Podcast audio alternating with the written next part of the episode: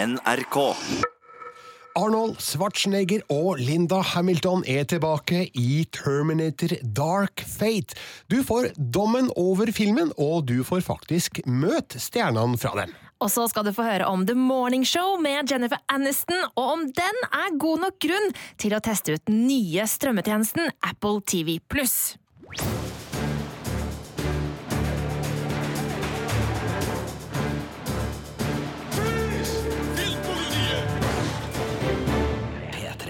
Vi har en hel del å ta tak i i dagens podkast, og vi er Birger Vestmo. Og Marte Hedenstad. Og vi skal aller først til Terminator Dark Fate. Hvilket forhold har du til Terminator-serien, Marte? Jeg digger Terminator-filmene, eh, i hvert fall eh, de første to. Eh, jeg har kanskje ikke sett den aller siste, den eh, den eh, som har vært litt sånn utenfor serien. Du tenker på Terminator Genesis? Yes! Den har jeg ikke sett. Eh, Så Derfor lurer jeg litt på, Birger, når man skal se den nye Terminator-filmen, må, må man ha sett absolutt alle filmene? Man kan med fordel ha sett de to første, altså The Terminator fra 1984 og Terminator 2 Judgment Day fra 1991, for eh, Terminator Dark Fate er en direkte oppfølger til de to, og den ignorerer da de tre andre Terminator-filmene, altså Terminator 3 Rise of the Machines, Terminator Salvation og den som vi nevnte, Terminator Genesis. Den later som at de på en måte ikke eksisterer, Okay. og, og tar opp tråden igjen sånn direkte fra handlinga i Terminator 2 Judgment Day. Så det går an å se Terminator Dark Fate også uten å ha sett noe som helst, men eh, da går du nok glipp av en del, så det lønner seg å ha sett de to første før man ser Terminator Dark Fate. My name is Sarah Connor. August 29, 1997. It was supposed to be Judgment Day. But I changed the future. Saved three billion lives. Enough of a resume for you? No. You may have changed the future, but you didn't change our fate. I can see you're very upset. I'm going to help you protect the girl. I'm gonna help you protect the girl. Det er heldigvis noe som aldri forandrer seg, blant annet Arnold Schwarzeneggers eh, engelske uttale, eller? Det hadde ikke vært det samme uten. Nei, det hadde jo ikke det. Og eh, filmen starter jo omtrent med den berømte I'll be back. Bare at det er ikke Arnold Schwarzenegger som sier det denne gangen, det er Linda Hamilton. Og det er jo et lite vink da til oss som er fans av de gamle Terminator-filmene, der eh, I'll be back ble Arnolds egentlig, ja, catchphrase, heter det vel kanskje? Absolutt. Um, ikke bare i Terminator-filmene, men i flere andre filmer han gjorde på 1980-tallet, så sa han I'll be back. Men uh, nå er det jo Linda Hamilton som er tilbake i sin uh, signaturrolle som Sarah Connor. Hun spilte jo den rollen i både The Terminator og Terminator 2, men eh, etter det så har hun holdt seg unna Terminator-serien av årsaker hun skal få fortelle sjøl litt senere i denne podkasten. Men nå, 28 år etter Terminator 2, er hun tilbake igjen, og det er det kuleste med hele filmen. Det er å se Sarah Connor spark ræv igjen, og samspillet mellom eh, Linda Hamilton og Arnold Schwarzenegger, eh, det det gjør meg glad og lykkelig, og jeg blir full, full av nostalgi når jeg ser de to sammen på kino eller etter. Ja, det er veldig gøy. Jeg gleder meg til å se det sjøl. Jeg har ikke sett filmen ennå. Men jeg må bare spørre, for dette, dette er jo ikke to ungfoler eh, som spiller disse to actionheltene, akkurat. Det ser fortsatt kult ut, altså. Det gjør det, og de har muligens hjelp av gode stuntfolk og digitale spesialeffekter, men de får virkelig kjørt seg i denne filmen, spesielt Linda Hamilton, kanskje. og Hun skal snakke litt om det litt senere i podkasten òg. Men de får jo også drahjelp av litt yngre krefter her. Og jeg kan ta kort om handlinga. For um, vi møter da en ung meksikansk kvinne, Dani, spilt av Natalia Reyes. Hun jobber i en fabrikk og har et helt vanlig liv, men ut av det blå blir hun angrepet av en ny type Terminator, spilt av Gabriel Luna reddes i første omgang av en tidsreisende soldat som heter Grace og spilles av Mackenzie Davies. Eh, og så må begge de to damene da igjen reddes av eh, Sarah Connor, som plutselig dukker opp og har eh, da vist seg å bli en sånn fullblods Terminator-jeger de siste ti åra. Og på et eller annet tidspunkt i filmen så kommer også en gammel T800 Terminator inn i bildet, selvfølgelig spilt av Arnold Schwarzenegger. Og hvordan alt det her henger sammen, det forstår man når man ser filmen. Det høres kanskje litt sånn søkt ut når jeg sier det nå, men herregud, vi snakker om en Terminator-film. Alt er søkt i en Terminator-film. Eh, men eh, det viser seg at eh, Sjøl om Sarah Connor tror hun har redda verden fra apokalypsen i Terminator 2 Judgment Day, så er det en ny fare som truer der i fremtida, og vi får egentlig fortalt den samme historien på nytt som vi gjorde i de to, to første Terminator-filmene, og jeg har en god teori på hvorfor det skjer. Uh, James Cameron, som jo da både skrev, produserte og regisserte de to første filmene, han er tilbake her nå for første gang i Terminator-serien som produsent, mens regissør er Tim Miller, som da er mest kjent for Deadpool. Og eh, de har åpenbart sett eh, på eh, suksessen JJ Abrams hadde med Star Wars The Force Awakens, mm. som jo av mange blir sett på som en gjenfortelling av den første Star Wars-filmen, bare med noen nye figurer i tillegg til de gamle. Og det er akkurat den samme oppskrifta vi får i Terminator Dark Fate. Det handler jo da nok en gang om en uh, ung kvinne som uh, blir jakta på av en robot fra fremtida pga. noe hun ennå ikke har blitt, eller ennå ikke har gjort. Og det handler om en tidsreisende soldat som kommer tilbake i tid for å redde hun, og som kanskje har et spesielt uh, insentiv for det. Og det, det, virker veldig kjent da, for de som er godt kjent med de to første Terminator-filmene. Ja, det lyder kjent, ja. Men er dette her fordi at de har tenkt å nå reboote hele greia og starte en ny Terminator-serie, tror du? Med da Mackenzie Davies og Natalia Reyes isteden etter hvert? Hva tenker du? Altså, det er helt åpenbart at eh, de i hvert fall har eh, tenkt å bruke de to første som en slags mal for mm. hvordan de skal gjøre suksess med en ny film. Eh, nå har det dessverre gått ganske dårlig relativt sett med Terminator Dark Fate i USA, og eh, prognosene sier at eh, filmselskapet bak kan risikere å tape 100 millioner dollar på hele greia. og hvis det går så ille, så ser det nok stygt ut for flere Terminator-filmene. Det her skulle jo bli den store returen til Terminator-universet, etter at Terminator Genesis egentlig gikk på trynet, både kommersielt og uh, fra oss filmkritikere.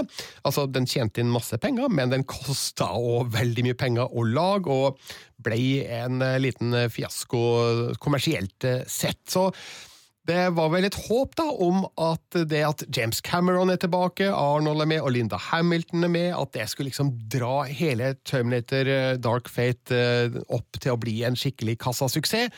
Det ser ikke ut som at det skjer, og det er jo egentlig synd, da, fordi sjøl om eh, filmen bygger på litt bedre filmer, så gjør den mye bra. Det er masse god action her. Det er trøkk og fart og spenning i actionsekvensene.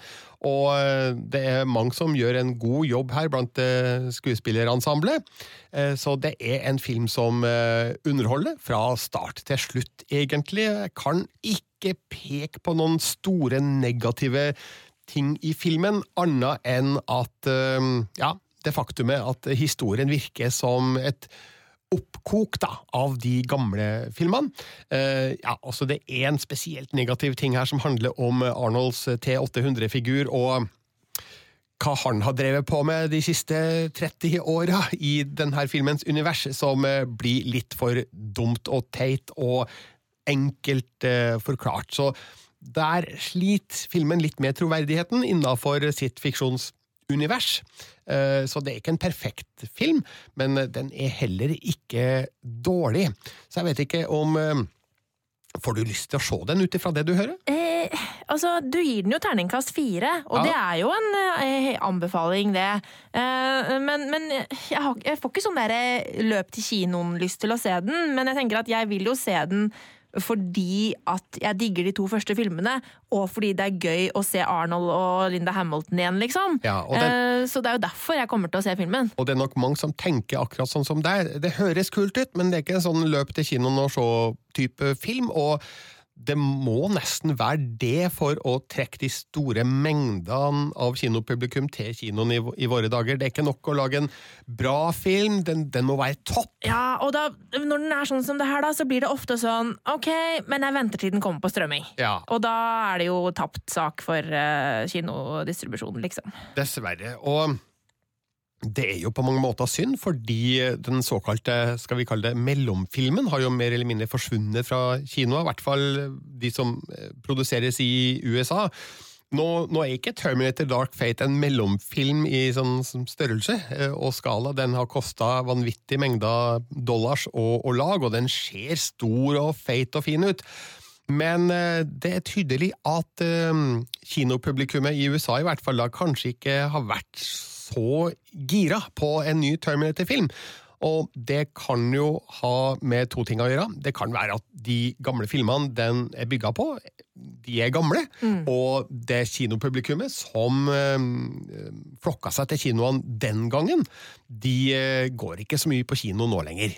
Uh, og så kan det tenkes at øh, eh, den forrige filmen, Terminator Genesis, har ødelagt en del for serien, fordi den introduserte eh, i hvert fall én ny tidslinje, og det kan gjøre sitt til at eh, kinopublikum er litt forvirra på hvor er man egentlig i hele den Terminator-sagaen nå, Eh, og siden den tar eh, rotta på de tre foregående oppfølgerne, eh, så blir det litt vanskelig kanskje å ta det her universet på fullt alvor, da, på en måte. Ja, og så er det jo kanskje mange altså, En stor andel av kinopublikummet er jo kanskje for unge til å ha noe nostalgisk forhold til originalene. ikke sant? Ja. Og Derfor går jo ikke de på, si- på kino for å se Linda Hamilton igjen. Nei, nemlig. og så mister de jo dem eh, hvis, hvis det på en måte de hører at det bare er en film som er ja, helt kul og OK actionfilm, liksom. Ja. Eh, og det er jo synd, egentlig, fordi, fordi Linda Hamilton spiller jo Sarah Connor så kult og godt at eh, hun må jo bare være et forbilde for eh, eh, jenta jenter og damer. Eh, så tøff går det an å bli, liksom, i et eh, mannsdominert univers. Nå skal det jo sies at Terminator Dark Fate er veldig kvinnesterk. For alle de viktigste rollene her er jo kvinner, og det er kvinner som er nødt til å redde verden, eller i hvert fall forsøke å gjøre det. Mens mannfolka i filmen er jo de truende, altså spesielt da Gabriel Luna. Ok, han er riktignok ikke en mann, han er en robot, men en robot ser i ut som en mann! Robot i mannsskikkelse, da, i hvert fall. Ja. Uh, og det samme gjelder jo Arnold Schwarzeneggers T800. Så det er det, Jeg vil gå så langt som å si at det er en eh, kvinnefilm, Ja. og det vil jo kanskje føre til at flere kvinner vil gå og se filmen, forhåpentligvis. Jeg syns den fortjener å bli sett på kino, altså, hvis man er glad i ja, Terminator-serien, først og fremst, men generelt glad i effekttung action, så er det mye godteri på lerretet her, altså, i Terminator Dark Fate. Så jeg er bare litt eh, redd for at um, filmen ramler mellom et par stoler her. Og at den ikke vil få det publikummet som jeg syns den er god nok til å få. Så jeg har gitt Terminator Dark Fate eh, terningkast eh, fire. Vi har blitt fortalt den samme historien eh, før, og da ble, ble det nok fortalt på en litt mer spennende og nyskapende måte. Det her er en ganske god sci-fi action-film med masse tøffe effekter og oppfinnsomme sekvenser, men den når altså ikke helt opp da til The Terminator og Terminator 2 Dommens dag.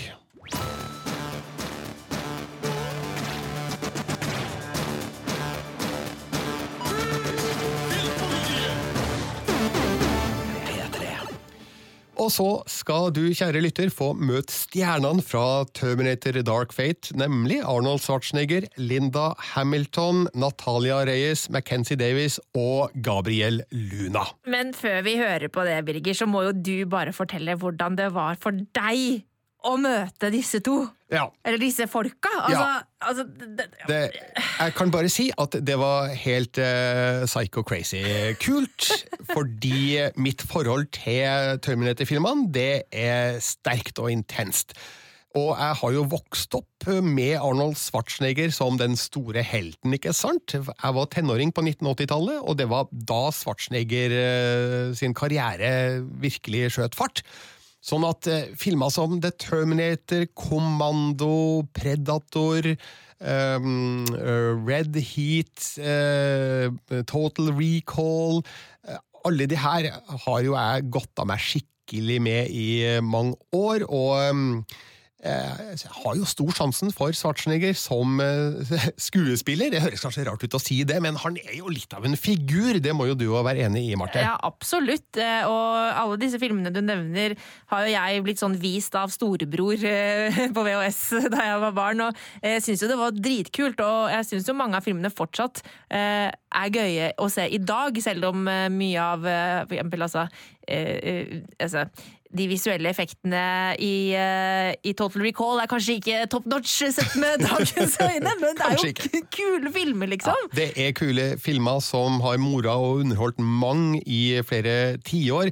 Eh, Så eh, det å få møte sjølveste Arnold Schwarzenegger på et fasjonabelt hotell i London for noen uker siden, det var veldig morsomt.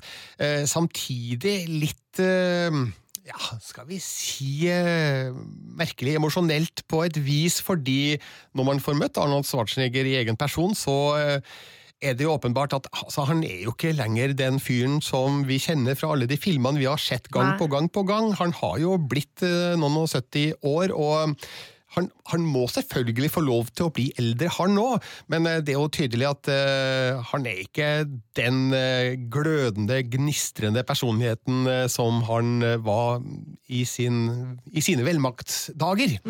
Det er klart, men like fullt veldig morsomt å møte han, og utrolig kult å møte Linda Hamilton òg, som virkelig var i et gledesstrålende humør da jeg møtte dem sammen i, i London. Og eh, du kan få høre et lite klipp fra da jeg kom inn i rommet aller først, eh, og skulle begynne å snakke med dem. og Da Arnold Schwarzenegger eh, hørte hvor jeg kom fra, så eh, ja, fant han ut at han skulle snakke litt om Norge. You know, Almost like burger. Right. Great fun to meet you guys. I've been a fan for so long, so this is a surreal moment for me. Um, now so- he comes from the country where they have some of the best skiers. Ah. So they're the ones when the Austrian loses, it is a, a usually a Norwegian that kind of beats them. Okay. That's, the way it works. So just so you know, and also That's about he right. comes from a place where they make the best ski sweaters, the Dale ski sweaters. Okay. Dale. I'll be looking this up later. You do that. I'm sorry about Ja, nemlig. Ja, akkurat. Eh, så det er jo morsomt, selvfølgelig, det at Arnold får lyst til å snakke om Norge med Linda Hamilton. Eh, sånn, for, mitt vedkommende så var det ikke en helt heldig inngang, da, fordi et sånt intervju med slike stjerner, det er veldig begrensa sånn rent tidsmessig. Jeg hadde fem minutter til rådighet, og Arnold Schwarzenegger brukte da hele det første minuttet med å snakk om Norge og skigensere og alpinister og sånt. da. Ja, ja, ja. Eh, Men ok, det ble en morsom eh, liten soundbite av det, i det minste. Eh, Men så var det på tide å komme i gang da med sjølve intervjuet, og jeg valgte å spørre Linda Hamilton først om hvorfor hun tok risikoen det faktisk er å komme tilbake til Terminator-universet etter 28 år, og potensielt eh, ja, kanskje ødelegge da eh, det renommeet og den statusen som hun og hennes figur Sarah Connor har fra de to første Terminator-filmene. Well, that was um, a true concern of mine, not for ego or you know, sort of where I I get placed in the the list of um, action stars, but I I resisted playing her for a number of years, especially, you know, directly after T2 Judgment Day, because I thought that I had said everything that I needed to say, and it felt very sort of complete to go from, you know, um, damsel in distress to fierce warrior, and that felt like it was a real standalone story. But 27 years have passed, and I thought that it would be very interesting to revisit the character with. Um, 27 years that I got to fill in as an actress and as a character and bring this experienced, older woman into the present. Arnold, you don't do many sequels, but you have played the T 800 several times. What keeps the character interesting for you? It's uh, always written differently. So that, uh, you know, in the first uh, Terminator, I'm the killing machine. In the second Terminator, I become the protector. So that was very interesting to kind of be a killing machine, but actually be a protector. And uh, and I, I started adapting certain human behaviors in the second one, but in this one now, when you cut you know forward uh, to the last movie now to, to Dark Fate, I play a Terminator that's again a killing machine but he now cre- creates kind of his own conscience because he's around human beings long enough. And so that makes it an interesting character to play. So I think it's just interesting characters. So this is, is number one reason. And number two is that it's a very entertaining kind of a genre and a very entertaining kind of a franchise. So no matter where you go in the world, people enjoy watching The Terminator. Der slo PR-maskineriet inn i Arnold Schwarzeneggers hjerne. Ja, men han har jo rett. Alle liker jo Terminator-filmene, liksom. Sjøl om de siste ikke har blitt de store suksessene som de to første ble. Eh, og det eh, jeg måtte spørre Linda Hamilton om videre, hva dette med mm, kvinneandelen i Terminator Dark Fate. Eh, For i tillegg til Hamilton sjøl, så er jo altså da Natalie Reyes og Mackenzie Davies eh, to av de viktigste skuespillerne i Terminator Dark Fate. Og eh, jeg vet ikke om jeg kalte det kvinnefilm til Linda Hamilton, men jeg spurte i hvert fall eh, hvilket eh, syn hun hadde på kvinners eh, roller i denne historien. I think the fact that women are just stepping into um, action movies really why shouldn't it be women you know we're trying not to make a state we're not making a statement here that women you know um, are finally empowered there have been strong women on film for many decades. It's just a different kind of strength. So I think that each, if you ask each of the women in this film, what does it mean to be a woman? We're just like, no, we're just women playing characters that um, we flesh out and make as amazing as possible. But, you know, trying not too hard to make a statement. We're just doing our jobs and doing them well. You take insane amounts of beatings in this film. I mean, how do you prepare for that uh, after reaching a, a certain age? Not to be blunt, but uh, how do you do that? Feel free. Um, you get up slower. you stand up slower after. And that was kind of a, a fun thing to play too, because it's authentic, you know? You fall down and it just takes a little longer to get up. And I wanted to make sure that I brought that authenticity to the screen. That I'm not going to just pop up and try to be a 30 year old woman in this film. I'm going to own everything I've got and then still get up. And, um, you know, it, my body will never be the same after this film, but that's my choice to play her and to play her well and deal with the whatever later. Det sa Linda Hamilton om ja, skal vi kalle det kroppsarbeidet hun måtte utføre da, i Terminator Dark Fate, som er av den røffe, tøffe sorten. Jeg kjenner at jeg får mer lyst til å se filmen når jeg hører hun snakke om rollen sin, eh, for hun virker så kul! Hun er virkelig kul, og alle som har sett Terminator 2 Judgment Day, vet eh, hvor stor skuespiller hun faktisk er i den filmen, og jeg mener at hun burde ha vært nominert til en Oscar-pris.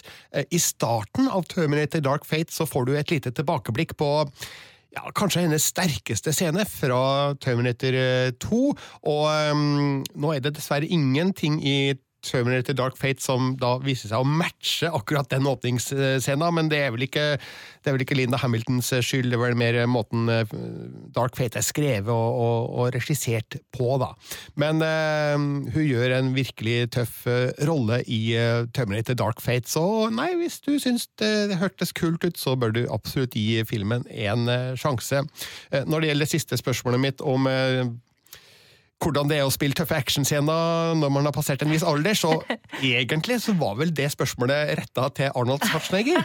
Men um, Muligens uh, sensa Linda Hamilton at uh, det spørsmålet vil ikke Arnold Schwarzenegger svare på. Nei, uh, han skal jo fremdeles være den tøffe, muskuløse bodybuilder-kjempen, så det ble det ble Hamilton som tok seg av det svaret, men hun tok jo det på strak arm og um, svarte veldig godt og dyktig for seg. Ja. Men har jo også møtt uh, de tre andre hovedrolleinnehaverne fra Terminator Dark Fate. Altså Natalia Reyes, som er en colombiansk skuespiller, kjent uh, for en TV-serie som heter Lady la Vendedora de Rosas. Som visstnok er den mest sette TV-serien noensinne i Colombia. Ok. Eh, jeg møtte også Mackenzie Davies, kjent fra TV-serien Halt and Catch Fire, og filmene The Martian og Blade Runner 2047. Det Martian er der jeg har henne fra, ja. Der har du sett mm. Mackenzie Davies, og også Gabriel Luna, som er kjent som Ghost Rider i uh, Agents of Shield-serien. Og han har også spilt en rolle i True Detective og i en annen serie som heter Matador. Han spiller da uh, Terminatoren Rev 9 i Terminator Dark Fate. Eh, jeg intervjua dem sammen da, i, i, London, og sånn hørtes det da jeg kom inn i rommet. Nice to meet you. Nice to meet you. Mackenzie. Hi. I'm Birgit from Norway. Big fan of Terminator and thrilling to see you last night at the screening. Oh, thank you. I guess you've seen the film yeah. many times. She hasn't. You yeah. haven't. Oh, when's the big night? LA premiere. Ah, okay. Well, you're in for where, a treat. Where did they screen it? Which theater did they screen it? Where did you see it? We are rolling. Okay. Well, we better start. Mm -hmm. So. Litt småprat altså før man kommer i gang. Jeg er litt dårlig på småprat, men man må prøve å varme dem litt opp da, og få en sånn stemning som gjør at man kan få litt bedre svar på, på spørsmåla etterpå. Ehm, her eh, fikk jeg da også fem minutter med Natalia Reyes, Mackenzie Davies og Gabriel Luna, og spurt først da damene om hva Linda Hamilton og hennes eh, kjente figur Sarah Connor betydde for dem da de var unge, aspirerende skuespillerspira. Everything. I mean, it, it was so great to know that she was back in the movie. I think that's one of the main reasons that we we knew this was going to be different and it was actually the continuation of that second terminator and that's why i think this one is really special because she's back and she um, you know she she thought this was the moment to tell the story you know? Like i think this uh, movie is more relevant now than ever and actually getting to of course know the legend you know like Linda Hamilton is here, but she was actually sharing so much time with Mackenzie and I on set. We were just like for six months shooting every day, and just to get to actually know her and see how passionate she is with her work and every line and every scene, and you know she care she really cares about her work, and that's really inspiring. Mm-hmm. Mackenzie, your character Grace has a similar arc to what Kyle Reese has in the mm -hmm. first Terminator movie. Did you draw any inspiration from there? No, I I uh, you know rewatched the first two movies, but it that sort of replication feels um, like too much pressure for me. I'd much rather just create something distinct that people can be like, that's bad all on its own, instead of that's bad because it's not like this other thing I like. Um, or that's good. Who knows? Uh, so, yeah, no, I, I, kind of just did what Grace was because I felt she was written quite distinctly. And um, yeah. Gabriel, what about your Terminator? You follow in the footsteps of, first and foremost, Arnold and Robert Patrick, but how does one prepare for such a role? As a robot. No, yeah, no, I because I, I, always say in my life, my approach has been, you know, live a really full life and have a lot of experiences. So when I get there on the day, I'm not a phony. You know, like uh, there's something very important to me to uh, about just you know naturalism and realism, and but there's no way to prepare to be a killer robot from the future. So you really just break it down. It becomes very technical. You know, you just you sculpt the you sculpt the movement of the character, and that's how I started first. It was just the movement. Even even before that, it was the stillness. How how can I just be still, and be interesting and be threatening and and and uh, you know and what can I get away with? How can I scare the pants off myself without doing anything? And then from there, just build up, and then at the the cherry on top is all the human behaviors, and just play those very naturally.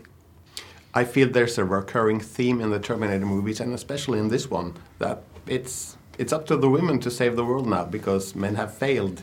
Uh, do you have any views on on this theme in in this movie, Natalia? I think, yeah. I, I, I mean, since Terminator 1 and 2, you know, Sarah Connor was this single mother who was, you know, like beautiful and strong and independent.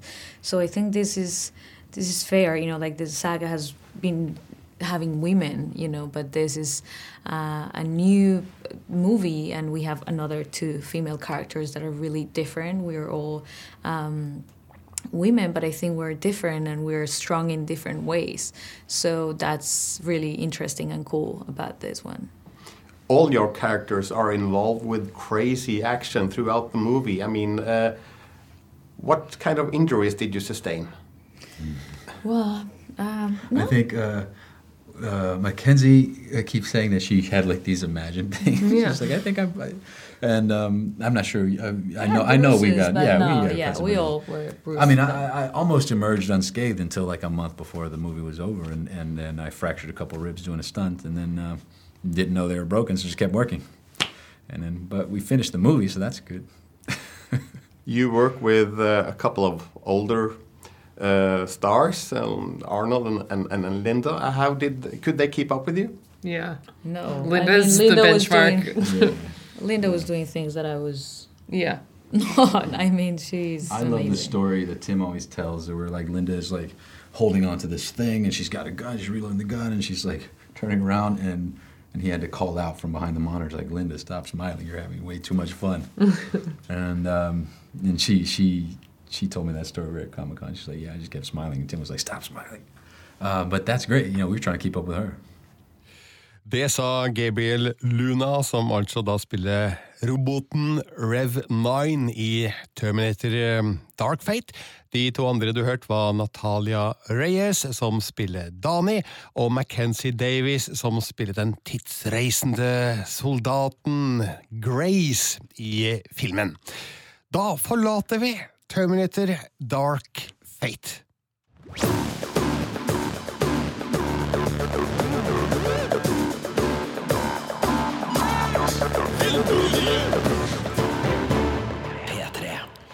Nå skal det handle om den nye strømmetjenesten Apple TV Pluss, som vel har fire serier fra start, Marte? Ja, altså De har eh, et helt eh, drøss med serier, faktisk. Eh, Jeg har sett tre av de. Jeg har sett Sea med Jason Momoa. Jeg har sett Dickinson med Hayley Steinfeld. Men den vi skal snakke om nå, det er kanskje den viktigste av dem alle, nemlig The Morning Show. Good morning. I'm bringing you some sad and upsetting news. And while I don't know the details of the allegations, She's throwing me under the bus. Mitch Kessler, my co host and partner of 15 years, was fired today. You! Ah! The part you guys never seem to realize is that you don't have the power anymore. And frankly, I've let you bozos handle this long enough. We are doing this my way. Det var noe kjent med den stemmen, ja. Oh yes, Jennifer Aniston er tilbake så i TV-ruta i en hovedrolle for første gang siden Friends.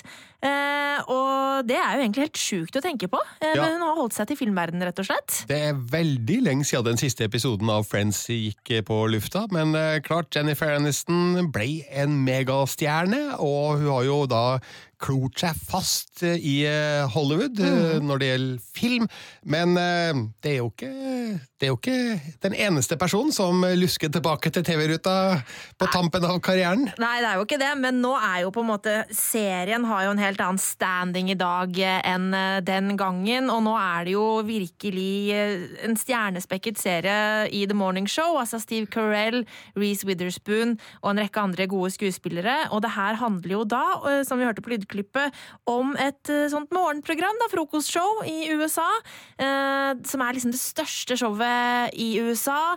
Eh, Mitch og Alex er på en måte morgenshowets ansikt, eh, USAs yndlinger, ikke sant? Eh, Helt til da Mitch har gått på en metoo-smell eh, og rett og slett få sparken. Og Alex eh, står da igjen aleine eh, og må nå egentlig også kjempe for sin plass eh, i morgenprogrammet, for hun begynner jo å dra på åra. Eierne av kanalen syns at hun kanskje begynner å bli litt gått ut på dato. Og så kommer det jo da en ny og spennende feisty nyhetsreporter inn, spilt av Reece Witherspoon, som heter Bradley. Og hun da er engstelig for å etter, ja, bli bytta ut, og så begynner hun å ta saken i egne hender. Nemlig. Hva slags sjanger er vi i her? Er det drama, eller er det humor, eller er det begge deler? Nei, så det er, eh, det er et drama. Eh, Men det er jo morsomme elementer inni her. Men det er ikke så mye humor her at jeg vil kalle det en dramakomedie. Det er et drama eh, full av intriger og renkespill og maktkamp og alt det der deilige greiene som, som foregår i kulissene i et sånt type program som det her. Eh, Og det handler jo veldig mye om eh, på en måte etterspillet av metoo eh, og den kampen som fortsatt pågår eh, når det gjelder eh, likestilling og på en måte maktbalanse, da, når det gjelder menn og kvinner i den bransjen der. Og det er en veldig på en måte feisty og på en måte hun har et sånt der raseri inni seg, eh, Jennifer Aniston, som jeg tror jeg, jeg bare velger å tro at det på en måte er ektefølt eh, personlig også. Som hun bringer da inn i Alex Livy sin rollefigur.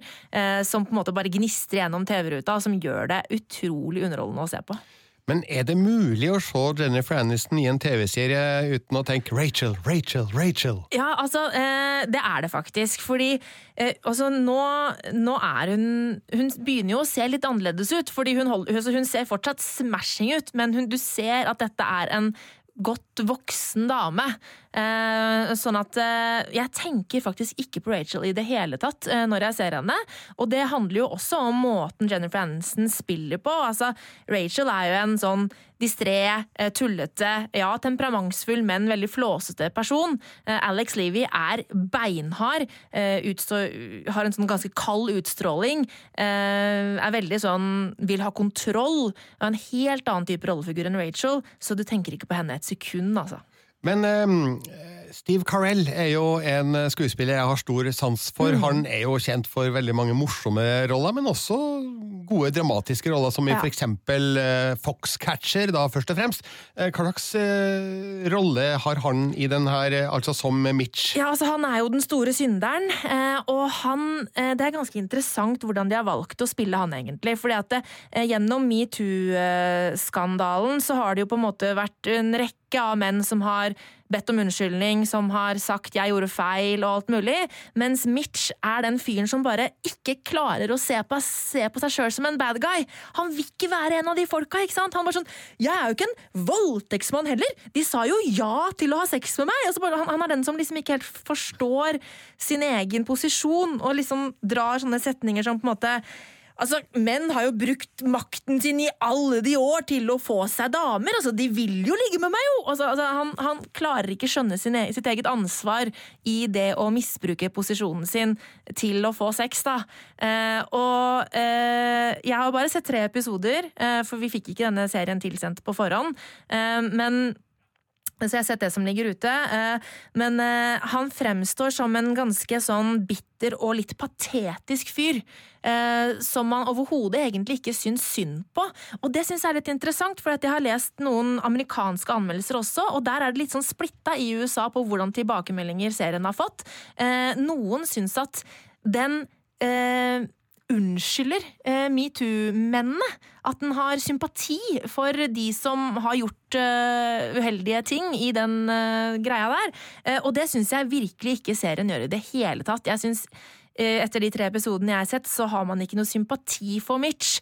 Man forstår jo at det er kjipt for han å få sparken og på en måte miste levebrødet sitt, men han er en ganske så patetisk fyr. Og så får vi jo, kan man jo håpe at han på en måte forstår og angrer etter hvert, men så langt har han ikke kommet eh, i de tre episodene jeg har sett. Men eh, det er ti episoder i den første sesongen, så han har noen episoder Han på seg da, til å episoder. endre syn. Ja, men han, Steve, Carell spiller jo eh, dritgodt, ikke sant? så selv om eh, rollefiguren er en ganske patetisk fyr, så er jo da Steve Carell eh, veldig troverdig i rollen. Eh, selv om jeg syns kanskje eh, når det gjelder manus og hvordan serien legger frem Mitch som rollefigur, så smører de litt tjukt på, syns jeg. For jeg syns han virker kanskje litt for dum.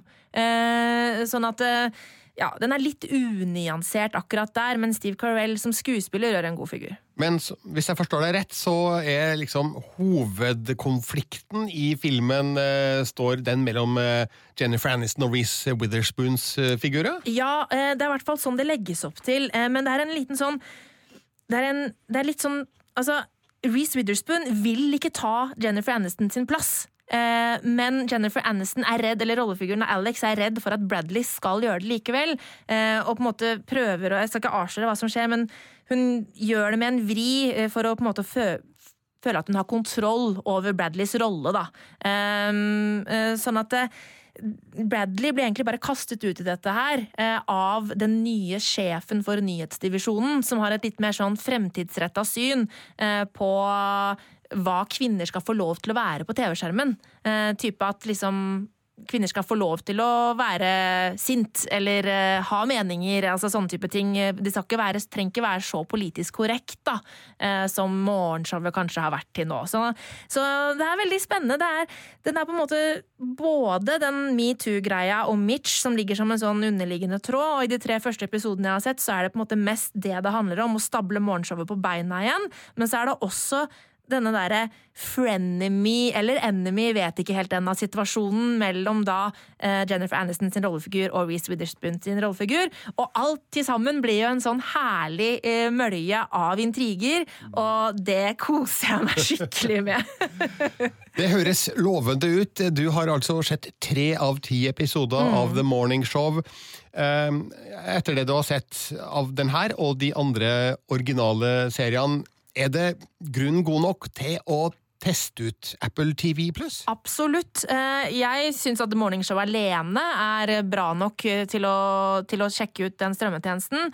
Eh, Den koster jo da 59 kroner i måneden. Første uka, veldig sjenerøst, er gratis. Eh, Men du får faktisk sett den første episoden gratis. Så du kan jo, det kan du, tror jeg du kan gjøre på alle seriene, faktisk. Se én episode gratis før du velger om du vil abonnere. Det som jo selvfølgelig er Ulempen, eh, men også markedsstrategien til Apple, er jo at du må ha en Apple-dings for å få sett det her. Eh, Du må enten ha en eh, iPad, iPod eller iPhone eller en Mac for å få sett det. Så Apple sitt mål er jo at folk skal kjøpe sine dingser for å se disse seriene. Eller en Apple TV, da selvfølgelig, som jeg har. Men du fortalte meg noe her i dag som jeg stussa litt over, nemlig at for å finne disse Apple TV Pluss-seriene, så må du inn i Apples egen eh, TV-app, som jo inneholder alle de andre strømmetjenestenes uh, serier også. Ja, det er jo uh, hva, Jeg husker ikke når de lanserte den appen, men det er det et år siden? Er det to? Ja. De lanserte en app uh, hvor de ville samle alle dine strømmetjenester i én. Sånn at eh, hvis jeg har sett tre episoder av et eller annet i HBO Nordic og to episoder av noe annet på Netflix, så, eh, så lenge det er kobla opp mot den TV-appen, så vil den fortelle meg hva neste episode er. Jeg kan gå inn i den appen, og så vil den si hva som er neste episode av alle seriene jeg ser på, så lenge jeg har de på Apple TV.